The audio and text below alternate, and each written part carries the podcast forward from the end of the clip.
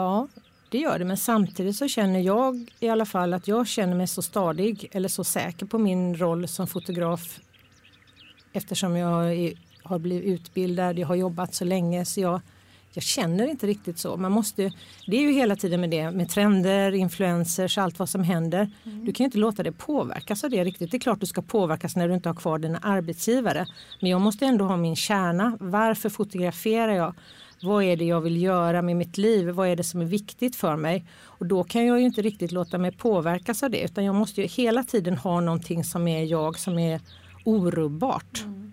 Oavsett vad som händer. Det spelar ju ingen roll i vanliga livet också om man blir av med ett jobb, vad som än händer så måste man ändå ha kvar den här kärnan att det här är jag, det här brinner jag för. Mm. Och det har ju jag. Mm. Jag vet ju varför jag fotograferar. För jag älskar att komma hem till människor, jag älskar att se ljuset, jag älskar att röra mig, att fånga det här. Och det kan jag göra på så många olika sätt. Mm. Och den känslan finns kvar i mig hela tiden så jag kan liksom inte låta mig bli påverkad av det.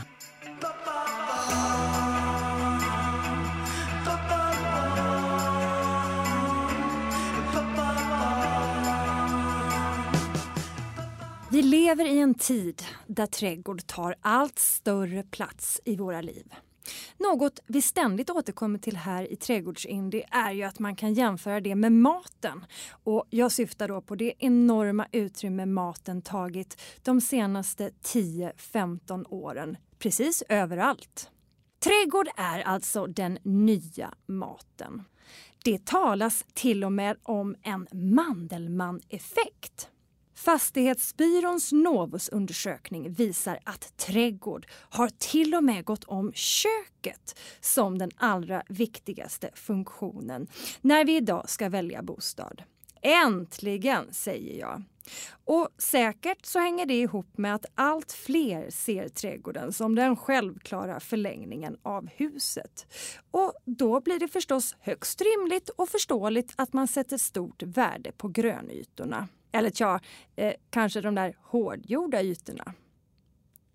Så det är inte bara längre mat i olika former vi matas med genom bild på bild på bild. Och som vi flitigt dokumenterar själva med för den delen. Nej, att fotografera sin trädgård och sina växter, det har ju blivit minst lika poppis. Men hur gör man egentligen för att få till de där riktigt goa dahlia-bilderna? Och vad ska man tänka på eh, när man ska fotografera sin trädgård på bästa sätt? Och hur har trädgårdsfotot förändrats under de senaste decennierna? Hur har estetiken och idealen sett ut? Dagens ämne är trädgårdsfoto. Jag heter Emily Bratt och det här är Trädgårdsindie. En annan slags trädgårdspodd.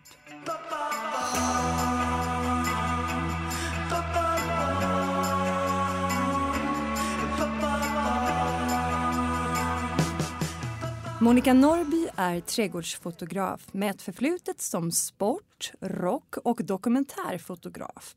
Hon har utövat trädgård i hela sitt liv, är permakultursdesigner, utbildad i grön rehab, permakultur och skogsträdgård, lever med sin trädgård på 400 kvadratmeter i Malmö samtidigt som hon bygger upp sin nya trädgård på hela 4 hektar ute på Tjörn. Jag är så glad att du är här. Välkommen Monica! Tack så mycket. Grymt! Är allt bra eller? Allt är toppen. Härligt, härligt. Ja. Eh, Monica, kan inte du bara eh, berätta lite om hur du började? Eh, hur det kom sig att du började med foto? Jag tycker det är så himla rolig historia. Ja, jag började med fotografi för att eh, jag hade två små barn, bodde i radhus fast jobb men pengarna räckte inte riktigt till. Så då hade jag en svärfar som var sportchef och han hade svårt att få fotografer på helgerna. Så då fick jag en kamera och så fick jag låna en bil och så åkte jag runt och fotograferade på söndagmorgnarna. Speedway, pingis, vad var det mer? Skridskoåkning var det, mm -hmm. fotboll, sådana saker. Så um, där kom ju min fascination att lyckas fånga. Det blev ju som en, inte sport, men det blev ju, eh, grejen var att kunna fånga det som jag såg framför mig. Det är ju det som är fotografiet, att liksom ha en bild i huvudet och sen få den i kameran. Mm. Och det är samma med trädgård nu. Det är det det handlar om tycker jag. Ljus och mörker Mm. och att lyckas få det som jag ser framför mig. Så jag blev eh, sportfotograf och tyckte det var jättekul. Just det här att åka iväg, möta nya människor, få fotografera. Men det är ju mycket mötet med människor som är fotografi. Mm. Och då spelar det egentligen ingen roll vad man fotograferar utan jag tycker sport var jättekul att, att fotografera. Mm. Om det inte är Gotia Cup när alla förlorarna gråter och så. Det är liksom sådana. Men annars så är det roligt tycker jag. Att få komma iväg till nya miljöer dit man aldrig har tänkt sig att komma. Det är ju det som är fotografens guld. Oavsett vad det är så att säga man fotograferar. Ja, jag har suttit i um, duvslag och väntat på duvor som ska komma hem som inte kommer för att det åskar och man sitter och väntar och ska ha bilden när duvan landar och det kommer ingen duva och vad gör vi då? Liksom, då får vi hitta på någonting annat. Så att uh, oavsett vad det är man ska fotografera så tycker jag att det är roligt. Mm. Så att upplevelsen är liksom också en, en del av det. Ja, människorna är ju som utövar olika saker. Mm. Om vi då börjar med eh, trädgård på foto. Alltså hur det har sett ut. Mm. Du har ju varit med länge och fotat för alla de stora trädgårdstidningarna under flera decennier faktiskt. Alltså hur såg det ut då och hur ser det ut idag? Rent visuellt liksom. Alltså först rent visuellt så är det ju att kamerorna idag är ju så himla mycket bättre. Ja. Ja, så att när jag fotograferade med film så var det ju mycket svårare med röda och gröna toner och med, på olika filmer och de första digitala kamerorna var ju det gröna också bara en eh, geggamoja. Det var ju bara ett, det var väldigt svårt att få nyanser. Mm. Idag är det nästan för tydliga nyanser och kanske för skarpt med digitala. Så att det är en, jag har en lite äldre digitalkamera som jag använder ibland när jag inte vill ha det 100-100 skarpt Mm. till exempel. Men annars så är ju trenderna har ju förändrats. Jag kan ju inte fotografera en trädgård idag när det är ett blått klot som var poppis på 80-talet. Det funkar ju inte. Eh, Och jag är väldigt sparsam med att klicka bort saker och lägga till grejer så jag brukar flytta på kloten i sådana fall om det finns i trädgårdarna. Mm.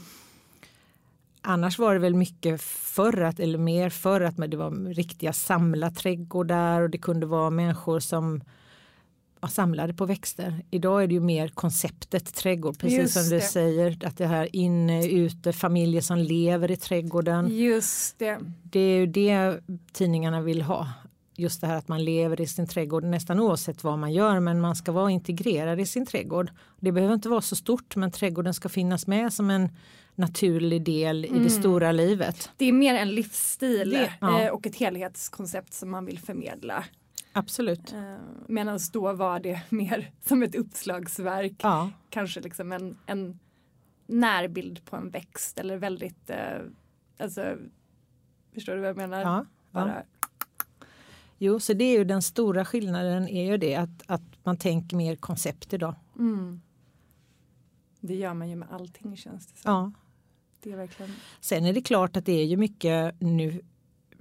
Nu ska det ju vara ett helhetstänk. Jag tänker på ekologi, gärna återvunnet, gärna ta upp sådana självklara saker för oss nu. Det var inte alls så tydlig profil att man skulle ha med det förr när man kom till en trädgård. Men idag är det viktigt och med all rätt är det viktigt att man tänker på sånt. mm. Jag tycker också att man, eh, när jag fotograferade, likadant när jag fotograferade inredning, när vi skulle ha inköpslistor, vad vad man kunde köpa.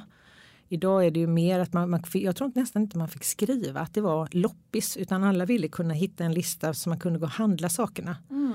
Men idag är det ju mer att det är okej att skriva att det är mormors eh, trasmattor och sånt för det är ju liksom Ja. okej nu. Ja det är ju till och med något flott i Precis. det. Att då blir det unikt. Ja.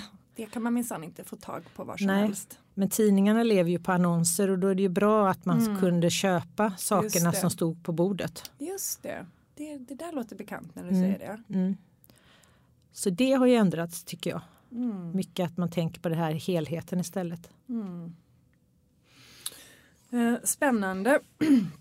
um, alla de här förändringarna, för det har ju ändå, det måste ju ha ändå uh, skett en del förändringar genom sociala medier till exempel. Ja, det har det ju gjort. För det första så går ju inte tidningarna så bra längre efter papperstidningar eftersom uh, det digitala har tagit över det snabbaste av flödet som finns på, hos influencer och olika sociala medier. Mm. Det gör ju att eh, papperstidningar är ju lite old fashion. Mm. Så det går ju inte så bra för dem. Mm. Plus att eh, det har ju kommit nya avtal på grund av att det går så dåligt för tidningarna. Alltså det går ju inte dåligt, de har ju vinst men de vill ju ha mer vinst. Mm. Så att de har ändrat på avtalen för oss fotografer. Just det att vi ska frånsäga oss bildrätten. Just det. Och det har ju gjort att väldigt många duktiga fotografer har försvunnit från tidningarna. Mm. Jag jobbar ju inte så mycket till tidningarna men vi finns ju på andra ställen nu. Mm. Gör böcker, ställer ut, dokumenterar. Sånt, det tycker jag också är kul så att man får ju se det som en möjlighet och inte som ett hinder. Mm tiderna förändras och då får man göra andra saker. Mm. Men jag tycker ändå att jag tror att det är viktigt att dra det här och förklara lite för mm. jag är inte säker på att alla känner till hur det funkar med det här med bildrättigheter. Hur hårt klimatet faktiskt har blivit. Ja, det har ju blivit hårt för att om man inte skriver på ett avtal där man frånsäger sig bildrätten då kan man inte fotografera åt tidningar. Mm. Men om du avsäger dig bildrätten så har jag ju inte makten över mina bilder. Utan då och, lämnar jag ju det till de som äger tidningarna. Och innebär det då alltså att rent krasst då, att de här bilderna kan publiceras igen och igen och igen i olika sammanhang utan att fotografen får någon ersättning? Fotografen får inte ersättning. Och eh, det sägs, alltså tidningen ska meddela trädgårdsägarna att de kommer att vara i nya sammanhang. Hittills har det fungerat men eh, det är ju ingen som vet mm. om det kommer att förbli så. Mm.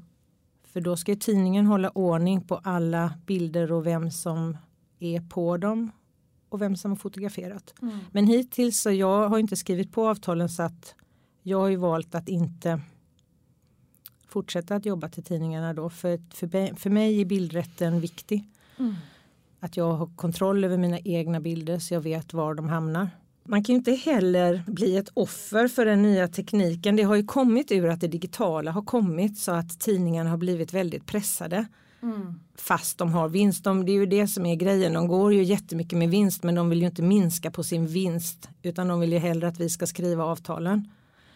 Och jag vet ju när jag var ung fotograf när jag började jobba då var, är, är det ändå sån eh, systerskap inom, med, mellan fotografer så att om inte jag visste hur jag skulle göra så hade jag ju många kollegor jag kunde ringa till. Mm. Och det har ju alltid jag känt som ett jättestöd att det finns, att vi har det tillsammans. Men unga fotografer som kommer, jag tror inte riktigt de kanske vet vad bildrätten är eller så bryr de sig inte om det. Kan man försörja sig som fotograf idag? Ja, det kan man. Mm. Det kan man. Jag jobbar till tidningar idag där de inte har kräver att jag ska avsäga mig jag tänkte precis rätten. Det finns, det. Det, finns. Tidning, det mm. finns tidningar. Yeah. Det finns tidningar där man inte behöver det. Mm. Men eh, det är ju många tror jag som börjar göra någonting annat också. Börjar göra böcker. Um, utställningar, mm. jobba till andra medier men jobba med trädgård och fotografi eller trädgård och text. Så vi dyker upp på andra ställen alla Precis. fotografer, alla skribenter som känner sig drabbade av detta.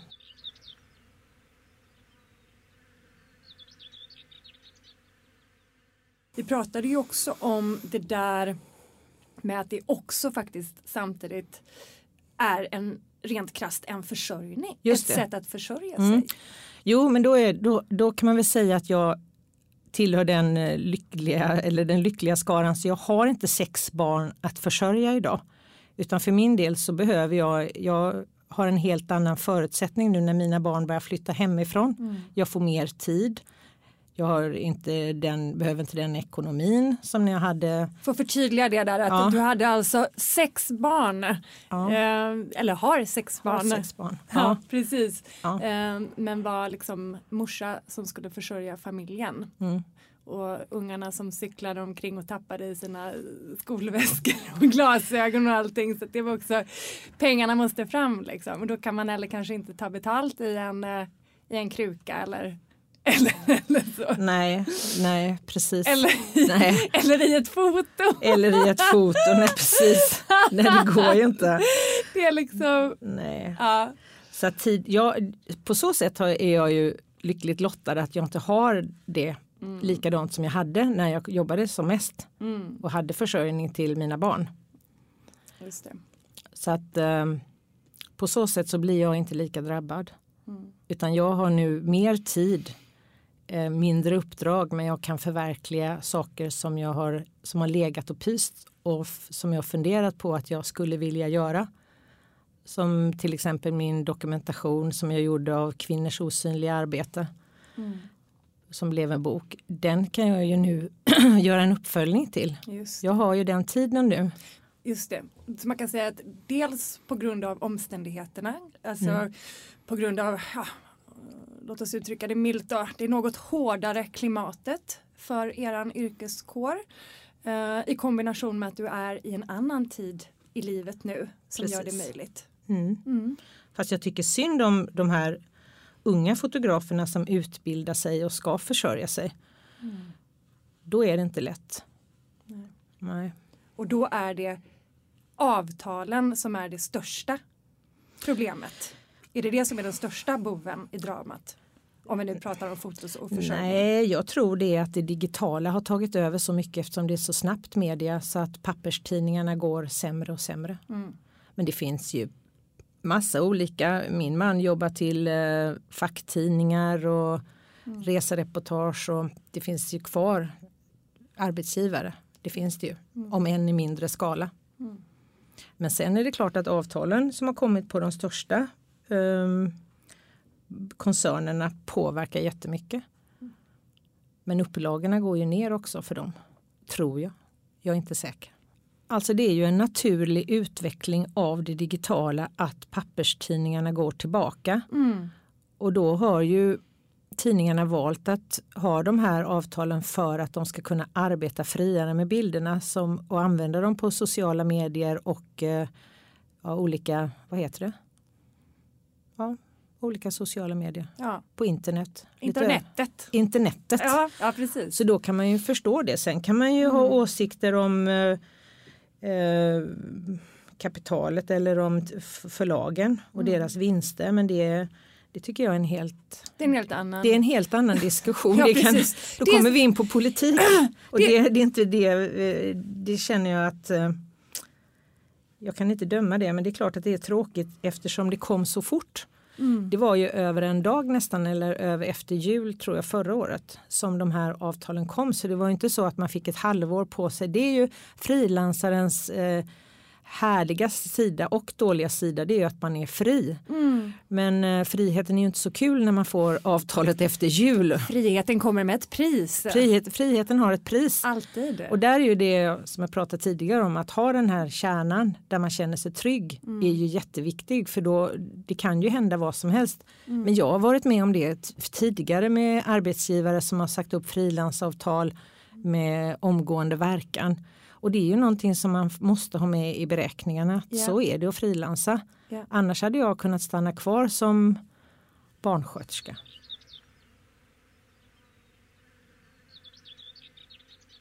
Alltså nu då, nu tänkte jag att vi ska snacka mer om hur man ska fotografera sin trädgård på allra bästa sätt. Eh, vi sa ju här i inledningen att trädgård på foto det har ju blivit stort och det är inte bara mat, prylar och inredning längre. Utan trädgård, det är ju något vi vill dokumentera. Hur gör man det då på bästa sätt, Monica?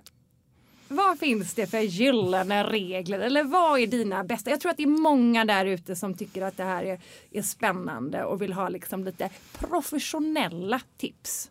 Mm.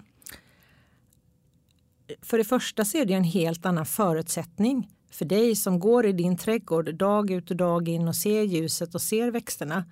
När jag har jobbat som trädgårdsfotograf så kommer jag ju till en helt ny miljö som jag oftast inte ens vet hur den ser ut. Ja, det är tufft. Så att jag, jag, när jag fotograferar så gäller det att först och främst så får jag ynnesten att komma hem till folk, till deras värld, till deras paradis som de har byggt upp, deras slutna rum. Och sen måste jag väldigt fort se hur ljuset kommer. Många gånger frågar jag hur ljuset kommer och nu för tiden vet många det men ibland vet inte äh, trädgårdsägarna riktigt. Ja, men det är lite kvällssol men det tas kanske av en gran där eller, mm. eller så. Så det första jag måste göra det är ju att gå runt och verkligen känna in platsen. Och det är ju det som är ynnesten som en trädgårdsfotograf, att jag får komma till en helt fantastisk plats där människor har försökt förverkliga sig själva, eller det är ju en väldigt stark del av människorna, mm. trädgården. Mm. Och sen går jag runt och tittar. Oftast går jag först åt ena hållet och tittar och sen vänder och fotograferar och sen vänder jag och går åt andra hållet. Men jag måste ju ha en, eh, en plan när jag kommer om man har en egen trädgård då är man ju där varje dag så jag kan ju sitta och vänta på ljuset för att mm. fotografera en dahlia eller när ljuset sjunker och blir snyggt. Jag vet ju oftast efter ett tag när jag fotograferar min trädgård när jag ska gå ut. Mm. Samtidigt så kan man ju bli hemmablind. Mm. Att man tar samma bild om och om igen för att man tycker den är väldigt vacker. Ja, precis. Känner mig väldigt träffad där. Ja, absolut, absolut. Ja, men du har ju snyggt kvällsljus. Ja, ja. det har jag. Ja. Det brukar jag använda mig flitigt av. Ja, ja. men man kan ju så Dels är det tipset är väl att man verkligen tittar på ljuset och väljer att fot, äh, plantera så att växterna kommer där det är snyggt som du har snyggt kvällsljus. Då är det ju väldigt snyggt med skira växter som eh, eh, blodtopp och saker som liksom kommer mm. där eller kanske mm. någon eh, echinacea eller att man sätter det mm. så att det blir snyggt. Men ljuset då, alltså ljuset mm, som ljuset. faktiskt att använda sig, alltså för det å ena sidan känns det ju självklart men mm. å andra sidan tror jag inte att det är så här, en del kanske inte tänker på det. Uh, alltså mer att man tänker på själva objektet. Men jag, jag, om man ska fotografera så brukar jag alltid tänka att, att röra sig, att ha en rörelse, att inte stå statiskt och bara hålla upp sin telefon eller sin kamera utan att eh, röra sig så att du har ett flow. Mm. Gå ner, gå upp, vända på det. Och det är samma med ljuset, att om du har ett, ett, solen emot dig, vänd dig om och gå runt och ha solen i ryggen. Att hela tiden jobba runt och titta och se vad det blir för resultat. Mm du kan ju ta hur många kort du vill idag med det digitala så du kan ju verkligen slösa. Just det. Och så exponera, alltså välja att göra det väldigt ljust, göra det väldigt mörkt. Hela tiden jobba med den här dynamiken för att inte stagnera. Annars är det väldigt lätt att man gillar ljuset i ryggen eller jag gillar ljuset när det kommer emot mig. Mm. Men eh, att röra sig runt, också röra sig upp och ner, bakåt och framåt krypa, ställa sig på en stol. Att hela tiden försöka hitta nya vinklar. Mm. Det tycker jag är, är det allra bästa när man ska lära sig fotografera. Man, man kan säga då alltså um, föremålets, um, föremålets uh, förhållande till ljuset mm. kanske på mm. något sätt. Mm. Uh, oavsett hur mycket omgivningarna Eh, är, är delaktiga i kompositionen mm. så är, är, där finns det någonting att ta fasta på. Absolut. Mm. Och sen ändrar ljuset sig så att om du har till exempel en växt som du vill fotografera så kan det också vara fint att titta hur ser ljuset ut längre bort så att du får ett djup i bilderna om du har en gång. Ibland är ju bakgrunden jätteljus för att det lyser sol på den och ibland blir bakgrunden mörk för att solen har försvunnit. Mm. Och det gör ju också att växten poppar fram eller hela trädgården poppar fram på ett väldigt olika sätt beroende på ljuset. Precis. Så att gå ut och prova. ibland kan det vara så att det är snyggast när det är som hetast och varmast mitt på dagen och ibland är det här alldeles bleka morgonljuset det bästa. Mm. Men man vänder, det är ju som eh, med mat kan jag tänka mig att man har sina favoriträtter som man brukar laga. Mm. Man har en repertoar. Mm. Och det är samma med fotografi. Man har liksom sitt, jag älskar ju glittret till exempel. Mm. Så jag, jag går igång på det, det kommer jag alltid att göra. Så jag får akta mig lite för det för att um, det blir ofta sådana bilder. Mm. Men samtidigt så känner jag att jag måste ta dem för min egen tillfredsställelse så måste jag fotografera dem. För det liksom sitter i mig att när jag har fått det så då får jag en god känsla i hela kroppen så kan jag liksom slappna av. Mm, har jag fått min bild? Det är, inte, det är inte säkert jag använder den men jag måste göra det. det. Och likadant är det nog om man går ut i sin egen trädgård att man ska hitta sina darlings och jobba på dem. Jobba med dem, mm. ja, Utgå från det som känns bäst. Men om man då säger så här. Um, jag vet att du har pratat innan om att, att det här med att fånga själen när du är i en trädgård mm. på en plats. Att, att det, liksom, det är det som är målet eller vad man ska säga. Men är det då viktigast att fånga själen i platsen eller att få det att se så bra ut som möjligt? Eller det kanske ser så bra ut som möjligt eh, om man lyckas fånga själen. Är det alltid det som blir det bästa? Förstår du? Då pratar jag om hur mycket man kan ljuga med kameran som man ju älskar att göra på sociala medier. I människoperspektiv och sådär. Alltså oftast när man kommer till en när jag kommer till en trädgård så finns det ju en själ i trädgården väldigt tydligt. För att det finns ingen människa som har en trädgård om man inte är en passionerad trädgårdsmänniska. För att det tar så lång tid. Det är så mycket arbete bakom en trädgård. Mm. Det vet jag, alltså det tar tid och man ska planera och man ska tänka, man ska rensa. Mm. Alltså det tar tid så att en trädgård Bakom varje trädgård finns en passionerad människa. En levande, en härlig, levande passionerad. Ja, precis. Härligt. Och det syns ju. Mm. Så nästan oavsett vad det är för trädgård så finns det en väldigt, väldigt stark själ i dem. Mm. Och, så oftast är det inte svårt att fotografera det för att om man bara går in med öppet sinne mm. och bara vistas i trädgårdsrummet. Oftast tycker jag det är skönt att vara själv så att jag inte pratar med trädgårdsägaren, att jag bara går in och känner då kommer det fram. Mm. Sen att ljuga det är ju det att, är... att ljuga det är ju inte att ljuga. Nej, att jag, väljer, jag väljer när jag ska fotografera, vill jag ha med en stol? Vill jag ha med gången? Mm. Vad är det som är viktigt i bilden? Och sen rör jag mig. Mm. Alla, eller det gör ju alla fotografer, man rör sig. Och så hittar man det utsnittet som tilltalar mig. Jo, jo, visst. Nej, men absolut. Så ljuga kan man inte nej, riktigt okej, göra. Nej, men jag menar, nej, det, det gör man ju inte. Men det säger så här, en sanning med modifikation. Jag tror ändå att många känner igen sig eh, med mig då som när jag fotograferar i min trädgård eh, för mina kanaler. Jag gör ju alltid det är det så att säga man gör ju det för att det ska se så fint ut som möjligt. Eh, och gärna i olika perspektiv som, som framhäver växterna på bästa sätt och med bästa ljus givetvis. Men vilket gör också att när jag tittar igenom ibland mitt flöde så kan jag känna Åh herregud, det där ser ju, ja, jag förstår, alltså det där ser ju det ser bra ut, det ser riktigt bra ut. Fan vilken flott paradisträdgård kan jag tycka, absolut. Och sen när jag tittar ut så är det något helt annat. Just nu är det en stor ökensång och jag liksom kan känna att gud, jag, jag, kan inte ha hem någon därför att de kommer inte fatta, de kommer inte känna igen. Det kommer ju bli, för jag har nämligen själv varit med om det. Jag har besökt trädgårdar och så har man bara Va? Var det bara det här?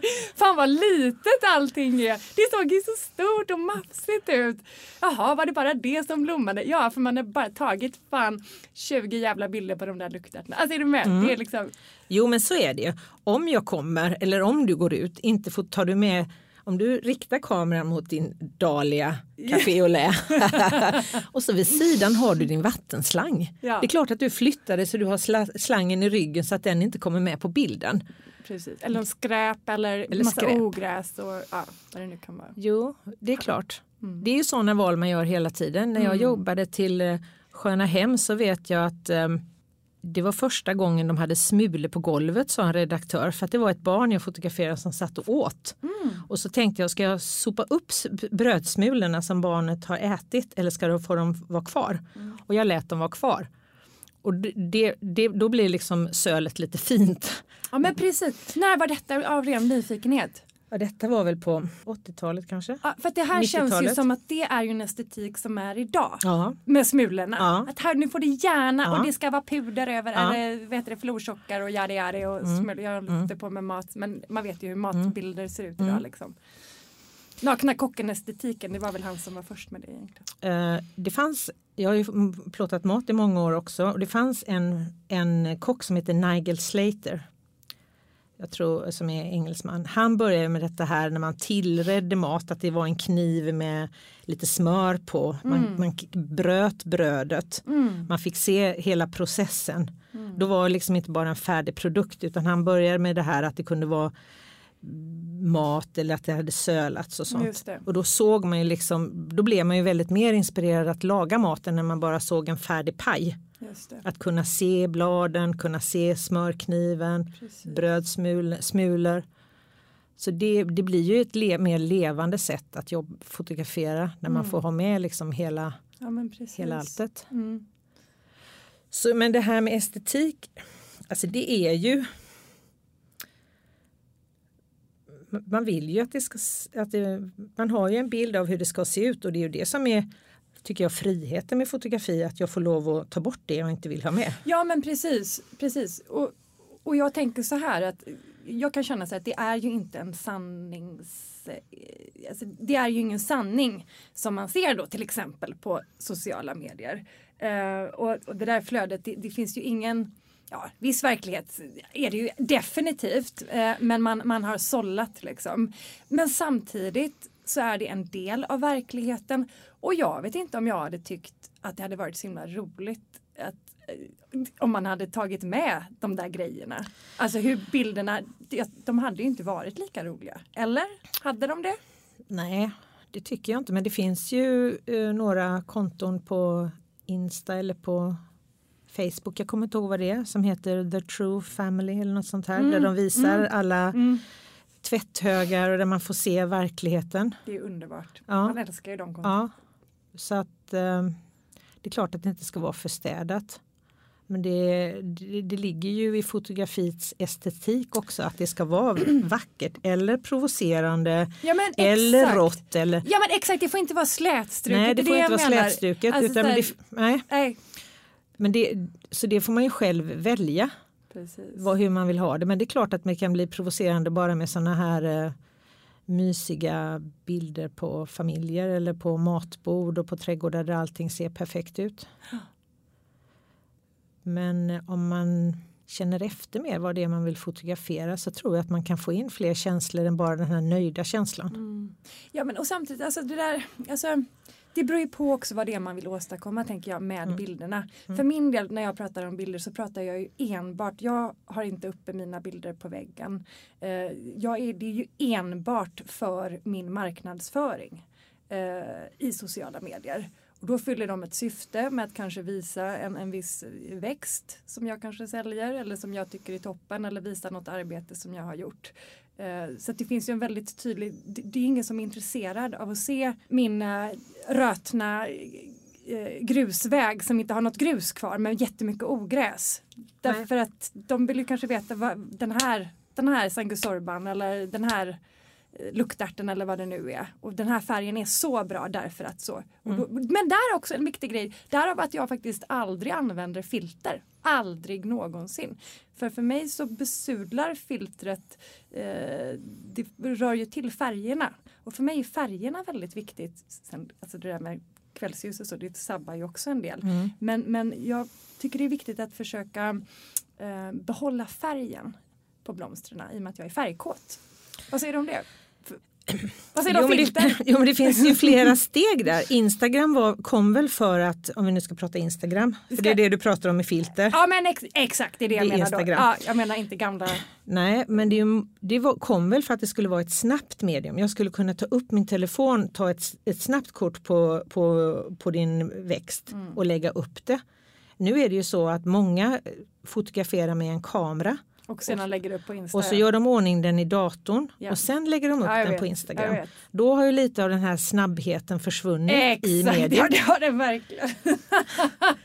Men du tar ju med din telefon. Ja det gör jag bara. Ja. Det gör jag. Men jag, tar jag kan ju ta 20 bilder på en och samma. Ja. Sen tar jag den. Men då finns det ju också väldigt många möjligheter i telefonen. Om du bara tar din originalbild så kan Mm. du ändå välja kontrast. Du kan välja Men det jag menar, jag gör aldrig det. Jag omarbetar aldrig bilderna. Jag tar, Du gör drar bara, ingenting? Nej jag drar bara upp dem. Jag bara, zoomar bara in dem. Mm. Aldrig filter, aldrig kontrast, ingenting. ingenting. Nej. Okej. Ingenting. Det är nog lite ovanligt. Mm. Ja. Du är ovanlig. Oh. Men då har ju du hittat din känsla. Ja, du vill att det ska kanske. se ut så. Ja, det, och, och därmed då, då, då helt plötsligt känner jag mig väldigt ärlig och som Mm. att jag faktiskt inte alls ljuger speciellt mycket. Nej, det gör du ju inte. För att jag redigerar ju inte bilderna. Nej. Alltså jag kan ändra om, om färgtonen kanske lite. Med mättnad och ta bort kontrast. Mm. Det är det jag gör mest. Men jag filter precis som du säger tycker jag. Det blir också väldigt lika om alla ska ha Amoro eller vad det heter. Det blir liksom lite Mm. Ja. slätstruket. Old, är det det som jag kallar för old world? Att man vill Old att det ska world, se lite gammalt. Precis. Gammalt. Förr fanns det ju i eller det finns i Photoshop olika man kan lägga på samma filter. Vad heter det nu då? Jag kommer inte ihåg det. Det får du klippa bort för jag kommer inte ihåg vad det heter. Ja. Men det heter, eh, ja, man kan klicka och så kommer det en hel radda med grejer Just. som man gör så blir bilden på ett speciellt sätt. Aha. Mm. Men vet du vad? Eh, eh, Monica, vi ska inte prata mer om, eh, om det här och, och, och inte om foto på sociala medier och sådär. Eh, det är ett annat program. Vi ska återgå till det här med tekniken, eh, kameratekniken. Ja, jag pratade ju om det här med att eh, grodperspektiv tycker jag ju är väldigt trevligt då för att allting ser, eller alltid liksom ett lätt grodperspektiv snarare eh, än ett fågelperspektiv. Det, det ser liksom, det är mafsigt och sådär. Lite så. Mm. Ser bra ut. Ehm, eller vad säger du? Förlåt, vad säger du om grodperspektiv, fågelperspektiv? Har du liksom något? Nej men om du, om du tittar på en blomma så kan ju till exempel men du kan ta idag när jag skulle gå ut och fotografera mina ringblommor, calendula. Då är ju den väldigt snygg om jag tar den lite grodperspektiv för då ser kronbladen ut på ett speciellt sätt. De är lite mörka och jag kan se flera i bakgrunden. Om jag väljer att ta den lite uppifrån då blir det ju bara som en röd, en orange blaffa. Just det. Fast det kan ju också vara ganska dokumentärt. Det kan också vara dokumentärt. Ja, Så hela tiden så, så handlar det ju om detta här att du verkligen känner efter. jo. Vad vill jag förmedla Ja, med ja. den här växten? Vad säger den här växten till mig? Ja, Och det är ju det som blir att man får ett bi- bildspråk. Lika väl som man då har en klädstil, en matstil, en inredningsstil så har du ju någonting som talar till dig. Mm. Du vill inte redigera dina bilder. Eh, Jag kanske, jag älskar mitt glitter. Mm. Och det är ju det du ska utgå från hela tiden. Mm. Och då blir man ju inte så mainstream heller och det är väl det som man egentligen vill ha sitt eget genuina uttryck. Mm. Och då måste du utgå från ditt hjärta. Vad, vad tycker jag Vad är snyggt? jag, vad liksom? gillar jag? Vad går jag igång på? Vad går jag Mm. igång på? Mm. Och sen kan du ju köra det så mycket som möjligt. Men om du ska utveckla din fotografi så är det ju lite det jag sa innan att försöka röra det runt. Mm. Försök gå ut på morgonen och se hur ser dahlian ut på morgonen med dagg i. Ja, men jag tror att alltså, jag, jag tar tillbaka lite. Grodperspektiv när det gäller miljöbilder så är det ju alltid lite från, från, eh, från underifrån. Medan jag tar ju faktiskt en del dokumentära bilder också just när jag vill eh, eh, när det är en, ett växtporträtt till exempel. Att man vill snacka om en, en, en växt och berätta om den. Då vill man ju se den verkligen hur den ser ut och då kanske det snarare faktiskt är fågel på det. Ja. Och du vill se färgen och du vill se bara rent paff paff. Mm. Kanske jämföra olika kalendrar och olika färgskalor och sådär. Då är det Mm. väl, väldigt bra. Men sen måste du ju variera dig. Du kan ju inte bara om jag ska fotografera en trädgård eller du ska fotografera en trädgård så kan du ju inte bara ta närbilder utan du måste ju ta en, eh, olika avstånd och då kan du ha olika perspektiv beroende på om du ska visa din grusgång, Mm. om du vill framhäva buxbommen, om du vill få en form i trädgården. Mm. Då, är det ju, då får du ju känna efter, då får du gå runt med kameran Mm. och se var kommer bästa formen och det ser man ju oftast. Mm. I det ögonblicket du fotograferar eller klickar då har du ju bestämt mig för här ser det bäst ut. Så att då, då måste man ju röra, röra runt lite, man kan ju inte stå helt still. Mm. Så hur mycket kommer vi in då liksom automatiskt på det gyllene snittet här då när vi snackar hur mycket, hur många använder sig. Alltså jag har svårt att ens, jag kan ju inte den där uträkningen men alltså att, att dela upp en yta i harmoniska proportioner. Det är väl mm. det det egentligen är. Sen vet inte jag det där med att man ska ta A till B bla bla bla. bla. Det kommer jag aldrig ihåg. Nej, men det är, det är ju uträknat på att när du ser en bild mm. dit ögat går först. Mm. Det är ju det som är liksom ah, yeah. gyllene snittet. Yeah. Enkelt förklarat. Enkelt, väldigt enkelt Väldigt förklarat. enkelt förklarat. Jag är inte så vetenskaplig av mig, jag är väldigt ovetenskaplig. Um, är det, sitter det så djupt inpräntat kanske i oss? Alltså, och särskilt, jag menar någonstans, vi har ju gått jag har ju också gått eh, konst och färg och form och allt sånt där. Och, så det har man ju, och fotografi också för den delen. Mm. Länge sedan. Men man har ju alltid hört det där. Ja. Är, jag tänker så här, är det, sitter det väldigt djupt att man inte ens... Ja det tror jag. Ja, för att det är så ögat faller precis som du säger. Precis. Fast det är klart, det du säger också med form och sånt, alltså det beror ju också på hur uh, trädgården är uppbyggd. Du kan ju ha kontrastverkan med massa växter mm. och då mm. får du lägga skärpan kort och du kan ju jobba på många olika sätt ja. för att framhäva det, det du vill ha. Och det, det gyllene snittet det kan ju vara sin sak men det är också så här hur lätt det är att uh, det kan bli väldigt rörigt i många bilder. Alltså man måste ju välja mm. att komponera så att det blir en harmoni i om du har en stor samling med växter till exempel. Mm. Alltså att det inte bara blir som en uh, ryamatta ja. som en geggamoja ja, liksom. Utan det kan du göra på många olika sätt. Dels att du flyttar dig så att du har något i förgrunden. Mm. Men du kan också göra med skärpan att du har kort, kort skärpedjup så att en växt är skarp och resten är oskarpt. Mm. Eller att du har liksom en översiktsbild där hela bilden är skarp så att du ser allting från första blomman i förgrunden mm. och ser mm. hela vägen bak. Så det är ju lite vad, hur du vill att bilden ska se ut. Och gör man trädgårdsreportage så vill man ju dels ha den här översiktsbilden där man ser hela trädgården. Mm. Du vill ha några utsnitt på höjden där du får djup i bilden och du vill ha lite närbilder. Lite närbilder ja. ja. På tal om närbilder så bara en sån eh, trendspaning. Det här med massa makrobilder och sådär. Makrofotografi eller makrofotografering eller vad man nu säger. Det känns ju inte som att det är, det känns ju inte lika inne längre. Nej. Eller hur? Känns nej, det, inte det nej. som en sån eh, Alltså är du med? Ja. Det, det, tycker inte jag man ser lika mycket. Nej men om du ska skapa en bild eller en rumslig känsla så kan du inte ha en makrobild för det blir ju bara en närbild. Nej. Men om du ska skapa den här mysiga gosiga ja, så måste exakt. du ju ha miljö. Ja och då går det ihop också då med det här som vi pratade om innan hur det ser ut idag i eh, de olika eh, reportagen att det är alltså ett livsstilskoncept och ett helhetskoncept mm. på något sätt. Mm. Eh, en känsla man vill mm. förmedla eh, av mys och här har vi det härligt. Mys, mys och härlighet. Jag mys menar, härlighet. En, en, en, närbild på en blomma det kan ju vara i vilken trädgård som helst. Exakt. Så det säger ju inte så det mycket om trädgården. Det säger ingenting om människorna Nej. eller hur man mår, att man Nej. mår så bra, Nej. livet är toppen. Man kan liksom, om du inte ska förändra på bilden så gör det ju det men om du mår, eh, tar en närbild och gör den riktigt mörk så ja. kan du kanske förmedla någon annan känsla. Ja. Men annars är det ju liksom att man vill ju förmedla det här goset och då måste du ha en hel Exakt. bild. Ja men sant, ja, men det är bara intressant och då blir det naturligt att vi inte ser lika mycket makro. Nej, Allt hänger precis. ihop, eller hur? Om man inte är galantofil till exempel så att ja. man, man ligger och, och men... tittar på de små kronbladen för då kan man ju se att vissa är gula och vissa ja. har gröna prickar men... och då är det en helt annan grej. Det är en helt annan grej men det är en nisch, alltså det, det, det, det kommer ju alltid att finnas mm. men man ser det inte, uh, man ser det inte ute. Nej. Eh, på det sättet. Nej, men då kan man ju visa att jag har den här lilla speciella mm. snödroppen ja, genom att visa de här små detaljerna. Exakt.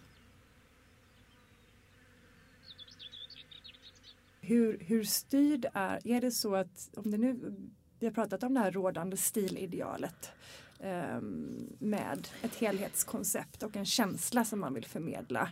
Är det liksom det som tidningarna vill ha?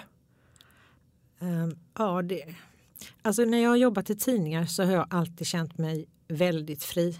Mm. Jag har liksom, det är klart att de, eh, eh, alltså när jag fotograferar fotograferar jag på mitt sätt. Men sen är det klart att de vill se hur trädgården ser ut. Och det är ju självklart, det vill man ju se. Om jag kommer in i en trädgård och ska förmedla den mm. så vill man ju se hur den ser ut. Men själva bildspråket hör jag, det är aldrig någon som har sagt till mig men Monica nu har du lagt skärpan fel eller nu skulle du flytta ett steg åt vänster eller den här människan ser, um, ser inte tillräckligt glad ut. Det har jag aldrig fått. Däremot det kom ju när jag jobbade till Femina eller till mer sån här annan press. Då kom ju detta här att alla människor skulle sitta i soffan och se glad ut. Mm. Jag kunde ju ha ett väldigt så här um, vad heter det, dokumentärt sätt att fotografera när jag fotograferade till kändisporträtt. Men helt plötsligt så skulle alla, det var väl på 90-talet, helt plötsligt skulle alla se väldigt, väldigt glada ut och sitta i en soffa. Mm. Och då var inte det så intressant för mig tycker jag. Mm. För för mig är det att hela tiden fånga ögonblicket eller fånga gester. Om du då bara ska sitta i en soffa och se glad ut. Mm. Men inom trädgårdsfotografin så har jag alltid känt att jag har en väldigt stor frihet. Du har känt dig fri där? Ja, för att, för att trädgården ser ju ut som den gör och talar till mig så jag får ju friheten att fotografera det. Så där har jag aldrig känt mig um, styrd. Däremot så vet jag ju vad tidningen vill ha. Mm. Och det är ju den styrningen som man har när man är anställd eller man ska göra åt en, jobba åt en tidning att de vill ju ha det de vill ha. Liksom. Men om jag jobbar själv med mitt konstnärliga fotografi då har jag ju en helt annan frihet. Då kan jag jobba mycket mer med mina känslor och det jag vill förmedla. Mm, såklart. Mm. Så det är det bra att ha. Det, det, är ju väldigt rimligt ja. och det är bra att ha båda delarna. Det är bra att ha Ja. Fast jag har alltid tyckt att det är väldigt lustfyllt att fotografera när jag, även om jag mm. gör uppdrag. Ja men precis. Även mm. om det är för brödfödan. Ja. Alltid lika spännande. Mm. Mm. Alltid lika fascinerande att möta trädgårdsmänniskor. Mm. Alla dessa historier varför de har skapat sin trädgård. För vem de har skapat sin trädgård. Vad säger du om alla dessa trädgårdsmänniskor Monica? Jag tycker det. Hur, hur är trädgårdsmänniskor? Trädgårdsmänniskor Förutom att de är levande och passionerade som vi sa. De är engagerade, passionerade Ja det tycker jag att de är. Alltså, för jag och Johan Widing när, när vi hade djur i trädgården här, ja. äh, pratade om djur ja. i trädgården, ja. vi, så pratade vi lite om hur vi djurfolk är. Liksom, eh, vilken sorts människor vi är. Fast eh. alltså, trädgårdsmänniskor kan ju vara alltså, så olika. Mm. Man kan inte säga att det, fi alltså, att Nej, det inte finns en givetvis, sort. Givetvis. Men det finns, så det finns de en sån otrolig bredd och det är väl det som är så fantastiskt med trädgård. Att, eh, en av de mest fantastiska trädgårdar jag har varit i det var en man uppe på Kinnekulle som aldrig hade läst en trädgårdstidning. Han hade aldrig varit i eh, någon annan trädgård. Mm. Han hade varit i sin trädgård och skapat sin värld. Mm. Och han hade skapat den till sig själv, sina bin, sina alla smådjur och han hade till och med en del i sin trädgård som han hade tillägnat sina huggormar. Så att menar, det var hans värld. Mm, och den var helt fascinerande att komma in i den världen. Oh, och eh, jag vet vi frågade hur han planterade, hur han förberedde, om han hade någon teknik för det var en helt fantastisk trädgård. Då svarade han typ på sin dialekt, om jag gräver en hulla och så sätter jag ner växten och trivs den så trivs den och trivs den inte så får jag ju vara nöjd med det. Och vi bara okej, okay. så enkelt är det. Ja, det är underbart. Eller att man kommer till en trädgård där det är någon en arkitekt som har verkligen integrerat hela sin trädgård och sitt hus mm. och platsen runt omkring, tagit hänsyn till prärien eller växterna utanför och mm. verkligen låtit trädgården långsamt, långsamt, långsamt bli tuktad tills man kommer fram till nära till huset och där är det tuktat och det blir bara åt andra hållet då när man står och tittar ut så blir det bara mm. vildare och vildare och vildare ut. vandrar ut. Mm. Det finns liksom ingen kant. Mm. Men det som är fint som jag tycker det är ju när, när trädgårdsmänniskor verkligen integrerar sig, sig själv på platsen med sin omgivning. Mm. Då tycker jag det blir bäst. Men det kan man ju inte göra i stan. Mm. Då har man ju skarpa gränser och så är det någon annan som bor på andra sidan. Så är det. Men om man har som på Tjörn till exempel att man har den vilda naturen utanför. Då kan man ju integrera det på ett helt annat sätt. Mm. Precis och, och någonstans alltså, alla måste ju hitta sitt sätt att utöva trädgård på. Ja. Eh, vi gillar ju att snacka om det här att, eh, att trädgård har ju blivit en del av våra liv. Um, och en yta som också ska tas om hand om mm. oavsett vi vill eller inte. Precis som vi tar hand om våra hem. Och där i och med det så finns det ju såklart också ett brett spann på eh, vilken slags trädgårdsmänniska du är. Och det är ju helt okej. Okay. Ja. Vi är alla olika, vi är alla toppen. Ja, mm. precis. Ja. så den, den, den, den genuina trädgårdsmänniskan är en människa som har känt efter vad, vad de vill ha och mm. så utgår från det. Mm. Men sen är det klart att, att eh, det går ju trender i trädgård också och det, ser man något fint så kanske man vill ha det. En dahlia. Men dahlior är liksom inget, inget nytt. Alla som har haft föräldrar som har haft trädgård, min, min pappa tog upp alla dahliaknölarna på hösten och förvarade dem i garaget. Och, Precis. Så att det finns, det finns ju alltid en lång tradition bakom också. Precis. Som är väldigt spännande. Så är det. Mm. Bra. Bra sagt. Uh, från det ena till det andra. Vilken färg eller vilken färgkomposition tycker du om att fotografera? Finns det någon? Alltså det som är... Det... I förhållande till ljuset då Ja, i förhållande till det, ljuset. Det alltid, det är ju alltid med det. Det är ett gott ljus, ett gott ljus, kanske en solnedgång eller vad det nu är, lite glitter. Men finns det någon färg eller färgkomposition som sådär, jättekonstig fråga också, men jag bara kom på det förut att det kunde vara intressant. Ja, det... En färg som gör sig bra på foto? Eller är det känslan återigen bara? Ja, det är nog mest känslan tycker jag. Mm. ja det, sen växlar ju det med årstiderna. Just nu är jag väldigt glad i min uh, Scabiosa Eh, Vilken skabiosa är det? Salomon Queen. Mm, den är underbar! Älskar Salomon Queen! Salomon Queen ihop med eh, den mörka eh, grönkålen. Mm. Alltså den svartkålen. Mm, palmkålen. Palmkålen, ja. Nero di Toscana. Och den. Just nu är den kombon. Mm. En kombo som jag tycker om. Jag tycker om min eh, ringblomma. Jag har en sort som är också lite laxfärgad. Mm. Triangle flashback. Triangle flashback, ja. Och så är det en krasse som också är så här eh, laxfärgad. Alltså, jag skulle inte säga att det kanske är färgen utan jag tycker mer det är formen. Mm. Att man tänker lite som um, att man har växter som fångar ljuset, att du mm. har växter som fångar vinden. Ja. Att du kan ha Sant. någon stadig som Toscana mm. de Nero, det är ju en stadig bas, yeah. den står still. Och sen ovanför där svajar den lilla Salomon Queen. Mm. Alltså, mer den effekten tycker jag är härlig när jag ska fotografera, att man bygger upp det på det viset mm. så att du mm. har kanske väldigt mycket svaj, väldigt mycket stabilt, mm. många olika toner. Så på det sättet tycker jag det är spännande att fotografera mer än kanske färgen. Nu kom jag på en sak apropå det här. Ja. Textur. Det Textur, tycker jag är svårt mm. att fånga ibland. Mm. Eller ofta tror jag. Det är inte alltid som man behöver eh, som det är viktigt, särskilt inte på miljöbilderna. Nej. Men är det liksom en prasslig kosmos, en dubbel mm. från eh, eh, Double Click-serien till exempel. Mm. Eh, då vill man ju ha den texturen. Mm. Eller hur? Mm. Man, vill, man vill fånga det prasslet. Mm. Och samma sak kanske på Nero di Toscana. Det är kanske lite enklare där då med ådrorna, liksom det här läderartade nästan. Eller Valmons vaxade liksom vaxade kapslar. Jag tycker jag börjar upprepa mig.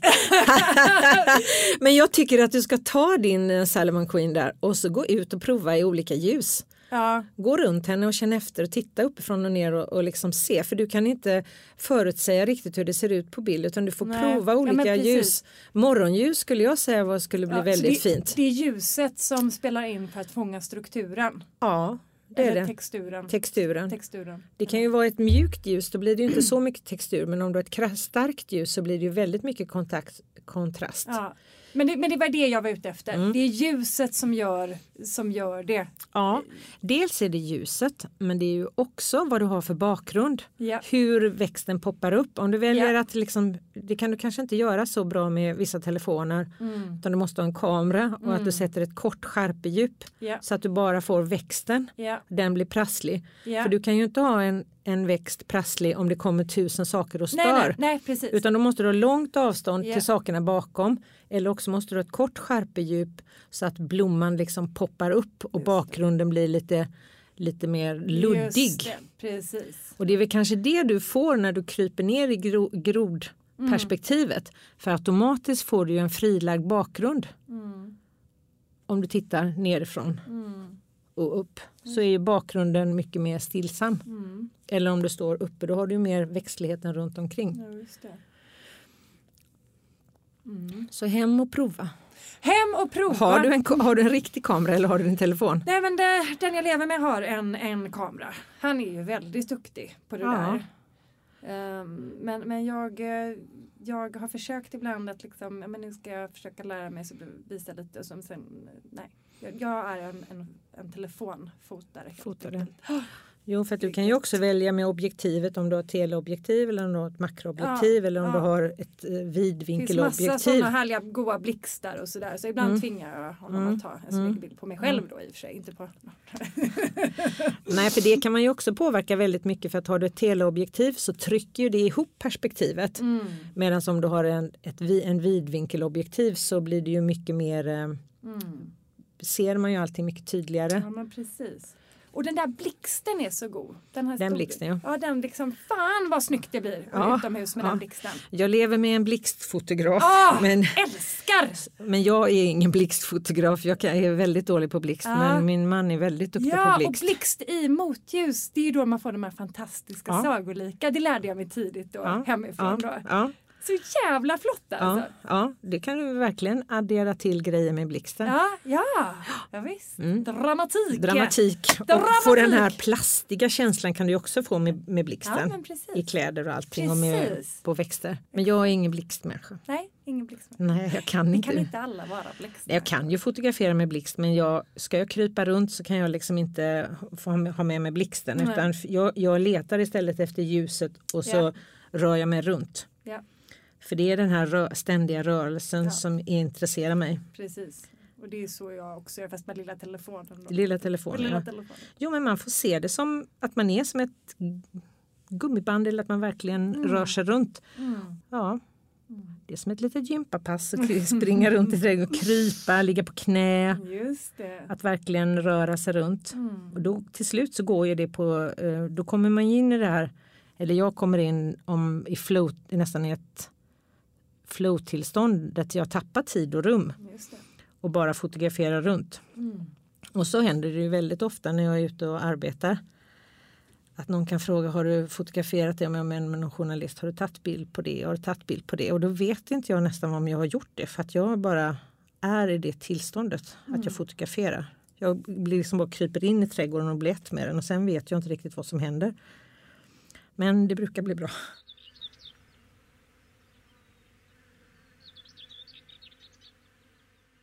Hur är det då med eh, att köra trädgårdsfoto i svartvitt?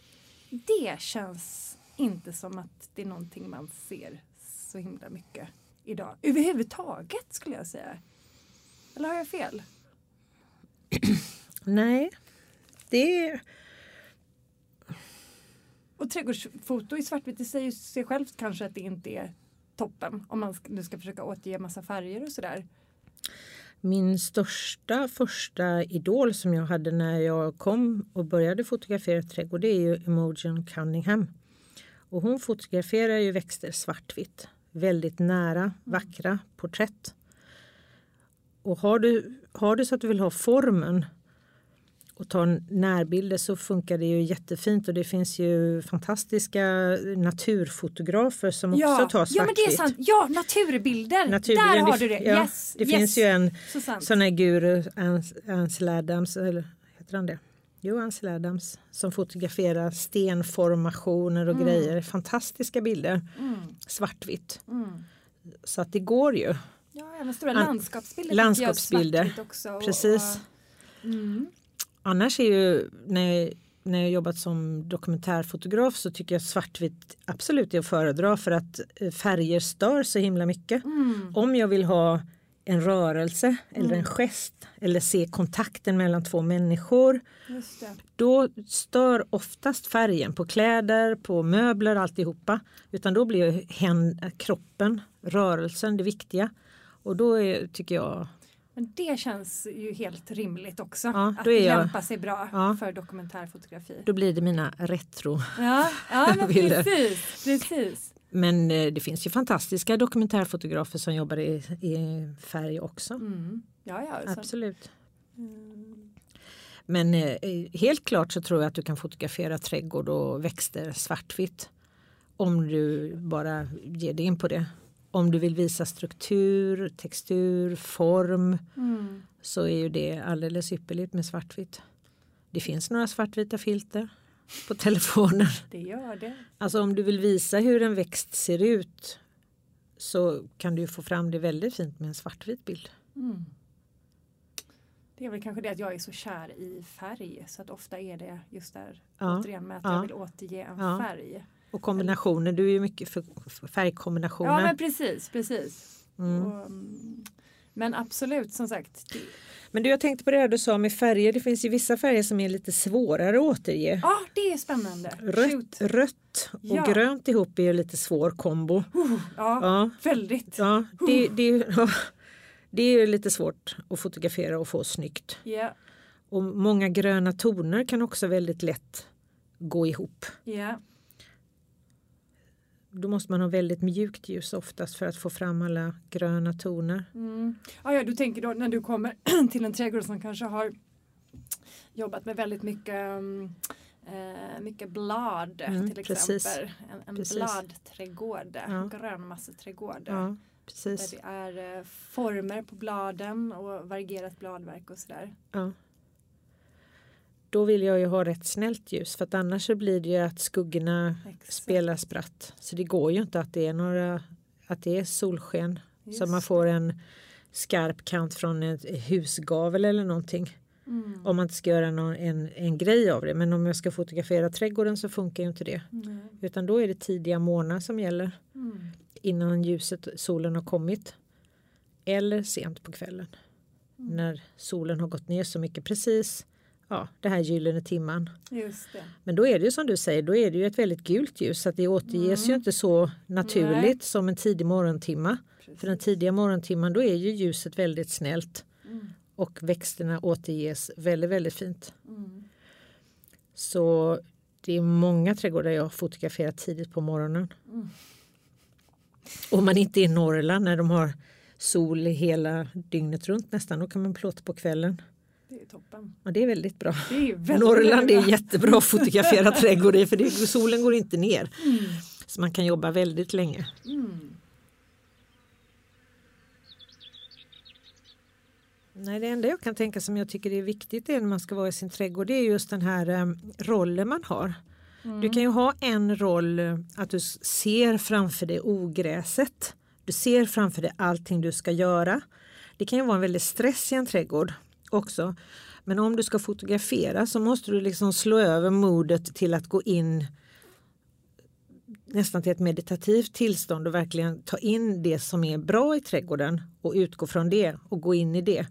För det finns ju, jag kan ju känna det själv att när jag går ut och tittar på min trädgård så kan jag tänka så här där ska jag flytta, där ska jag klippa, där ska jag binda upp, där ska jag det. Mm. Men om jag ska fotografera i min egen trädgård så måste jag ju slå om till det andra modet så att jag går in mer i nästan ett meditativt tillstånd. Just det. Och det det tycker jag är fantastiskt eftersom jag håller på med yoga också. Att just sätta sig ner, andas, känna in trädgården och se fascinationen i allting som växer. Och sen få lov att fotografera det. Det är ju en ynnest Mm. att ha en trädgård och kunna göra det. Mm. Det är det. Mm. Så det, det mer det, den sinnesstämningen. Mm. För att det är väldigt lätt att vi ser saker vi vill ha, ser saker vi vill göra. Mm. Att vi hela tiden blickar framåt. Ja. Men ska man fotografera i trädgården eller ha glädje av sin trädgård så är det att sätta dig på en stol, andas några långa djupa andetag och sen öppna dina ögon och se det du faktiskt har skapat. ja, men precis. Alltså, jag brottas så himla mycket med just det där. Mm. alltså ständigt och pendlar mellan att tycka att det är liksom fantastiskt Ja, och oj vad jag har åstadkommit. ja, Mycket ändå. ja. Eh, till att då liksom tycka att allt ser för jävligt ut. Det, det är så fult, det är så, det är så slarvigt gjort. Allt är bara slarvigt och så misskött liksom Mm. allting. Eh, och det är så fruktansvärt, alltså det, är- det är tärande. Det är tärande. Men där måste du vara, eller där måste jag, där måste vi alla tror jag bli mer snälla mot oss själva. Ja. Och skapa det här, du har skapat ett trädgårdsrum. Mm. Då måste du skapa ditt livsrum också. Du måste ge dig själv, eller jag i alla fall, måste ge mig den här platsen där jag får lov att vara nöjd. Mm. Det jag har gjort är bra. Och så ge också mig tiden att vara i det. Att inte hela tiden se det ska göras och göras och göras utan stanna upp och vara i det rummet. Mm. För att annars så, jag går i alla fall under då, utan jag måste ha den stunden varje dag. Mm. Så det är en väldigt bra disciplin. Men- Disciplin är inte fel, man kan ha disciplin att man går ut varje morgon med sin kaffekopp, sätter sig ner och bara tittar och njuter på det man har åstadkommit utan att Mm. tänka vad man ska göra utan försöka vara i the present moment. Jo, men det blir också, för mig så blir det ju en, en ehm, det är ju dubbelt då därför att å ena sidan så är ju trädgård min hobby, Mm. å andra sidan så är det ju mitt jobb också. Så att min trädgård är ju inte bara där för rekreation och sådär utan den fyller ju en väldigt tydlig funktion. Mm. Den ska ju försörja mig. Jag Mm. ska ju producera ju saker där, odla saker som sådär. Så att det, det är ju liksom och då blir det ju så fort så fort det är business Mm. så tar ju det alltid det tar alltid bort en del av, av glädjen och av det här av, av lugnet liksom. Ja, För mig är det så. För mig är det så. men då, För det då kommer alltid krav. Så fort det är business så blir det alltid krav. Kravfyllt. vill du ha ett litet tips? Ja, tack jättegärna Monica. Tack. Nej men då tycker jag att du ska skapa dig en liten liten hörna där du får vara Emily som Ja. är nöjd. Ja. Och så går du till den platsen varje dag och så sitter du där en liten liten stund. Bara ta fem andetag, andas in, andas ut och så kanske slut ögonen. Och så får du vara nöjd med dig själv. Mm. Du är bra precis som du är där. Jag duger. Just den platsen får du inte lov att kritisera. Du får liksom göra upp med den. Liksom. Du blir Ah. inte, det är samma som din kropp. Du har den kropp du har. Du kan liksom inte ändra på det. Och du har den trädgården du har. Du kan liksom inte, alltså, en, så grundkonstitutionen så. Mm. Och att vara nöjd med det en liten liten stund. Mm. Eller det sista innan du går och lägger dig. Gå och sätt dig på platsen och bara försök acceptera. Precis här är det som det är bra som det är. Jo, men det finns ju alltid, för det, du, du har helt rätt. Det finns ju alltid något parti i en trädgård Ja. som man håller extra högt. Man är extra stolt över. Ja.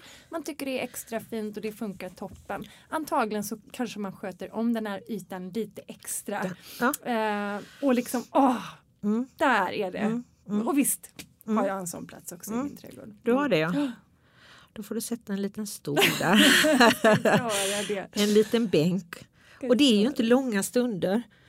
Det är ju samma eh, om man ska praktisera yoga, att folk inte, man, man inte har tid. Jag har inte tid. Mm. Men om man får in en rutin Ja. så tar det ju bara tio minuter kanske att göra det jag ska göra. Mm. Och det är samma med trädgården, att gå ut och sätta sig bara en kort stund. Mm. Det är det här med det, att få in det i sitt liv. Att ha, disciplin är ett väldigt tråkigt ord. Mm. Men att få rutin, precis som du borstar tänderna, du sätter både pyjamasen, så sätter du dig på stolen, tittar på trädgården, fem andetag och så går man och lägger sig. Men Monica, jag tänker att du kanske, om inte du eh, har så mycket att göra, vilket jag vet att du har, så tänker jag att du kan flytta hem till mig i två veckor och banka in lite sådana goda rutiner. Ja. Det skulle jag verkligen behöva. Jo, nej, men jag har, det är ju också märkligt hur man kan ha det på olika saker. För att jag har grym disciplin, alltså ordning när det gäller min yoga. Sen har jag inte det i övriga livet. Men jag försöker ju få min yogiska disciplin att spilla Ja, över ja. på hela mitt liv. Precis! Men jag kan ju se att jag har ju en yogapersonlighet i mig Ja. som är väldigt disciplinerad. Men eh, det spiller inte över hela tiden över till livet. Men det är också det att det händer mycket mer i livet. Och det måste man ju också välkomna att det blir pyspunka på cykeln. Sen när man ska cykla hem från stranden så får man gå hem så man kommer för hem se lite senare och maten får ta lite mindre tid. Mm. Så är ju livet och det är det man måste förhålla sig till hela tiden. Mm. Att allting rör sig, det är en ständig rörelse. Jo. Precis som fotografin, att allting rör sig och det gäller att hela tiden förhålla sig till det. Jo. För att inte tappa sansen liksom eller att Precis. tappa närvarokänslan och att bara blicka framåt eller blicka bakåt. Mm. Utan att försöka vara precis här och nu. Mm. Och det är som sagt inte långa stunder, det är inte timmavis man behöver göra det. Nej. Eller jag behöver i alla fall inte utan det är korta stunder. Mm. Vad roligt det har varit att snacka trädgårdsfoto med dig Monica. Ja, jag vet inte om jag har uttryckt mig tydligt. Jag, jag tror att du har det. Mm. Eller jag tycker att du har det. Ja, vad bra. Det känns som det. Ja. Um. Sen är jag, jag är faktiskt helt fascinerad över hur många duktiga fotografer det finns eller som är duktiga på att fotografera på sociala medier. Det finns ju fantastiskt många konton eller personer som kanske inte hade ekonomi eller resurs till att kanske ha en kamera att kunna framkalla filmer som det var ju en helt annan ekonomi att när vi skulle fotografera man skulle ha en stor kamera, man skulle köpa film och sånt. Så att det här det som är nu det är ju helt fascinerande att det är så mm. lätt och det gör ju att man ser väldigt, väldigt många som är duktiga så man kan ju bli jätteinspirerad om man inte känner få den här grejen, och herregud vad fint och trevligt det är. Men man mm. kan också se att det finns väldigt många människor som, eller personer som har fantastiskt fina uttryck mm. i sina bilder. Mm. Eller på sina konton var de än befinner sig. Ja men precis. Precis. Så att det är inte bara stress utan det kan också vara en väldig inspiration. Verkligen. Och människor möts idag på ett helt annat sätt via sociala medier. Mm. Som vi inte kunde göra förr. Precis. Och just det här som vi har tangerat eh, vid ett flertal tillfällen eh, idag. Eh, trädgård i sociala medier, det ska ju bli ett helt eget program. Toppen. Så det ska vi inte snacka mer om nu. Nej. Monica, tack snälla för att du ville komma hit. Tack själv. Vad har du för dig nu framöver? Vad händer på Tjörn? Uh, det som händer på Tjörn är att jag håller på att göra en solficka till mitt aprikosträd. Mm. så det håller jag på att bygga upp. Annars är jag mycket och badar och åker båt. Rörelsen i havet, vattnet, det är mitt element. Mm. Både min mamma och pappa kommer från öar så jag är en ömänniska så jag trivs att vara på en ö. Mm. Så det är det jag ska ägna mig åt. Sen ska jag ha en workshop i trädgård och fotografi för ungdomar på Tjörn. Spännande. Mm, det ska bli jättekul. Och sen så har jag nya projekt på gång till hösten. Mm. Fortsättning på Mor och Mor i rar. Mor i rar. Mm. Mm. Ska jag börja fotografera. Sen är det lite hemliga bokprojekt på gång. Mm. Och sen så ska jag ut och fotografera fler trädgårdar. Mm. Bland annat en på Tjörn. Vi ses snart. Vi ses snart. Ja. Så um, det är det jag ska göra, umgås med nära och kära. Uh, jag tänker på uh, dina kursverksamheter som kommer dyka upp lite i framtiden. Mm. Uh, det, den informationen kan man väl hitta på din Insta? Ja, nästan all information om trädgård, trädgårdskurser, yoga och trädgård, vandring. Allting finns på mitt Instagramkonto och så finns det på min hemsida och det heter samma. Det heter monicanorby.se och på Instagram Monica Norby. Ja, perfekt, perfekt. Så ut och följ Monica Norby så ser ni vad som händer eh, där. Eh, fortsätt följ en annan slags tradgard också då på Insta. Eh, Tack för idag! Ut och fota era trädgårdar. Eh, hoppas att ni har fått riktigt många bra tips. Eh, det har jag fått. Tack snälla Monica. Tack för att jag fick komma. Ha det bra, hej! Hej då!